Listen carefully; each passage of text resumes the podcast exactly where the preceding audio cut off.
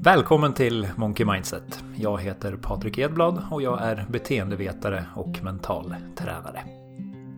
Förra veckans podd fick utgå på grund av influensa, men nu är både jag och Daniel på bättringsvägen så förhoppningsvis så slipper vi fler hål i poddschemat ett bra tag framöver. Innan vi kör igång med dagens avsnitt vill jag snabbt tipsa om vårt mentala träningsprogram Monkey Mindset Plus. Det har fått väldigt fin feedback och just nu så återlanserar vi en uppgraderad version av det här programmet. Så om du vill få mer kontroll över ditt mentala välbefinnande rekommenderar jag varmt att du läser mer på monkeymindset.se plus. Idag och under de närmaste veckorna tänkte jag göra en miniserie om stoicism. En filosofisk skola som grundades under antiken och utvecklade mängder av stora idéer och praktiska tekniker för att leva ett bra liv. Innan vi börjar vill jag dock vara noga med att påpeka att jag inte är någon filosofiprofessor eller expert på stoicism. Jag har bara ett stort intresse för den här filosofin och eftersom den har varit till stor hjälp för mig så vill jag dela med mig av den till dig så att den förhoppningsvis kan vara till nytta för dig också. Mitt mål är inte att ge en exakt återberättelse av stoicismens historia och lära utan snarare att skapa lite av en nybörjarguide till stoicism. En enkel och lättbegriplig överblick av de idéer och tekniker som den här skolan utvecklade så att du kan testa dem i ditt eget liv. Så vad är då stoicism? Jo, stoicism är vad man kallar för en visdomsfilosofi. Och med det menas att det är en filosofi om hur man bör leva sitt liv och hur man kan leva det på ett bra sätt. Stoicismen grundades för ungefär 2300 år sedan i Grekland av en filosof som hette Zeno. Han startade sin skola genom att stå i en pelarhall på marknaden i centrala Aten och prata med människor som råkade passera förbi. Allt eftersom så bildades en återkommande grupp personer som stod och pratade filosofi med honom. Så den här pelarhallen blev Zenos skola. Det grekiska ordet för pelarhall är stoa och personerna som träffades där för att prata filosofi började snart kallas för männen i pelarhallen, stoikerna. Under antiken så skrevs det över tusen böcker om stoicism. Endast ett fåtal av de här böckerna finns kvar och de skrevs av de tre idag mest kända stoikerna. Seneca, Epiktetos och Marcus Aurelius. Seneca levde runt år 0 och var en framgångsrik romersk författare, dramatiker och politiker. Han är känd för de brev som han skrev under sin livstid, däribland om vreden, om levnadslycka och om livets korthet. Några årtionden efter Seneca levde Epiktetos, som kom från en helt annan bakgrund. Han var en slav som på något vis lyckades bli fri, började undervisa och blev en av de ledande filosoferna i Rom.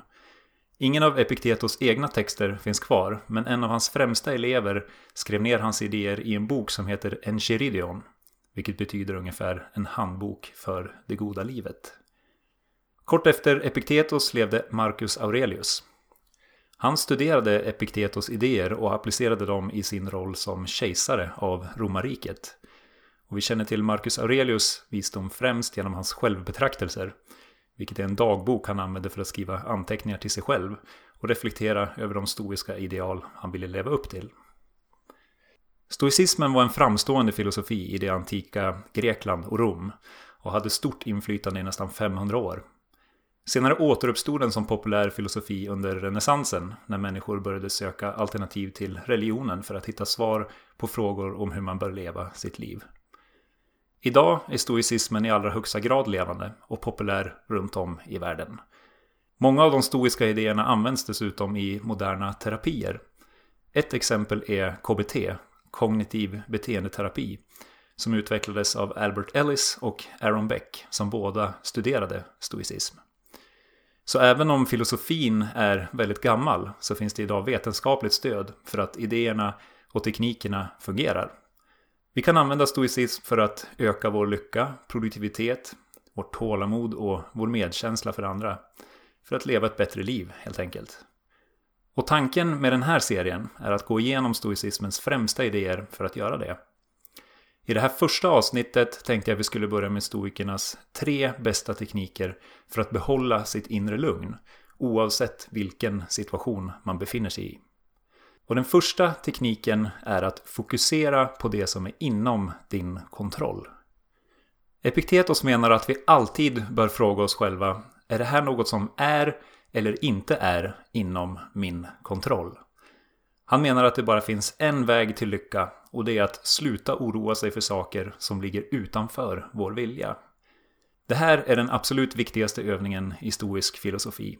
Att skilja mellan saker vi kan påverka och saker vi inte kan påverka. För det spelar ingen roll hur mycket du tjurar över vädret. Det kommer ändå inte göra att solen spricker fram. Och hur mycket du än önskar att det vore längre eller kortare, yngre eller äldre, så kommer du inte att kunna förändra de här sakerna. Hur gärna du än vill det så kommer du inte kunna bestämma vad andra ska tycka, tänka och göra. Och hur mycket du än ältar det förflutna så kommer du inte kunna ändra på det. Och all tid och kraft du spenderar på sånt du inte kan påverka är ju tid och kraft du kunde ha använt på saker som du faktiskt kan påverka.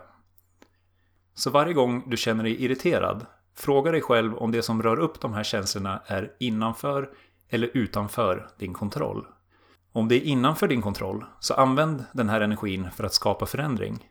Men om den är utanför din kontroll, så släpp det så fort du bara kan. Öva upp en hälsosam likgiltighet inför sånt du inte kan påverka. Det kommer att göra dig både lyckligare och mer effektiv. Nästa teknik för att behålla sitt inre lugn är att välkomna allt som händer. Epiktetos menade att vi inte bör önska att saker ska hända på det sätt som vi vill, utan istället önska att det som händer, händer just på det sätt som det händer. Den här inställningen kallas för amor fati, vilket betyder kärlek till ödet. Poängen här är att göra det bästa av allt som händer, oavsett hur jobbigt det är.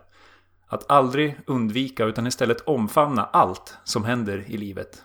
Inte bara vara okej okay med det, men att älska det och bli bättre som ett resultat av det. Marcus Aurelius skrev att en eld gör flammor och ljus av allt som kastas in i den. Och på samma sätt bör vi göra hinder och motgångar till bränsle för att utveckla vår fulla potential. Så återigen handlar det om att fokusera på det som är inom din kontroll. Du kan inte alltid välja dina omständigheter, men du kan alltid välja din reaktion till dem. Enligt Seneca så leder ödet de villiga och släpar med sig de ovilliga. Så det är alltid bättre att välkomna allt som händer helhjärtat, även om, särskilt om, det är en väldigt krävande situation. Den tredje och sista tekniken jag tänkte att vi skulle gå igenom är att sätta ditt liv i rätt perspektiv. I sina självbetraktelser skriver Marcus Aurelius Kom ihåg materian, hur liten din del av den. Tiden, hur kort och flyktig din tilldelning av den. Ödet, hur liten roll du spelar i det. Allt för ofta så förstorar vi upp våra vardagsproblem. När vi rör oss mellan skola, arbete och familj så glömmer vi snabbt bort hur oändligt mycket mer som existerar utanför våra egna erfarenheter. Så nästa gång du känner dig stressad eller överväldigad, ta en kort paus och reflektera över ditt liv. Utgå från dig själv och rör dig sakta utåt. Visualisera ditt hem, din gata och din stad. Och expandera sedan vidare till hela landet, hela världen och till sist hela kosmos. Återvänd sen till svårigheterna du går igenom i ditt liv. I det här perspektivet kommer problemen att verka mycket mindre. Du kan hitta lugn och ödmjukhet i insikten att dina problem faktiskt är pyttesmå i det stora hela. Genom att zooma ut på det här sättet kan du göra det som tynger dig mycket lättare. Det var allt för den här gången. Jag hoppas att det här avsnittet fått upp ditt intresse för stoicism. Som vanligt räcker det dock inte att känna till de här teknikerna. Du måste använda dem i ditt eget liv för att de ska kunna göra skillnad. Så jag tänkte avsluta det här avsnittet med några små utmaningar till dig. Nästa gång du känner dig irriterad, fråga dig själv om det som stör dig ligger innanför eller utanför din kontroll. Om det ligger innanför, använd din energi till att skapa förändring. Men om det ligger utanför, Släpp det så fort du bara kan och spara din energi till sånt som du faktiskt kan påverka. Nästa gång du hamnar i en situation du inte vill vara i, välkomna det som händer istället för att streta emot. Se det som en möjlighet att utvecklas som person. Och nästa gång du känner dig stressad eller överväldigad, förminska dina bekymmer genom att zooma ut och se på dina problem ur ett kosmiskt perspektiv. Om du vill får du jättegärna berätta hur det går i vår Facebookgrupp. Tusen tack för att du lyssnat. Vi hörs snart igen.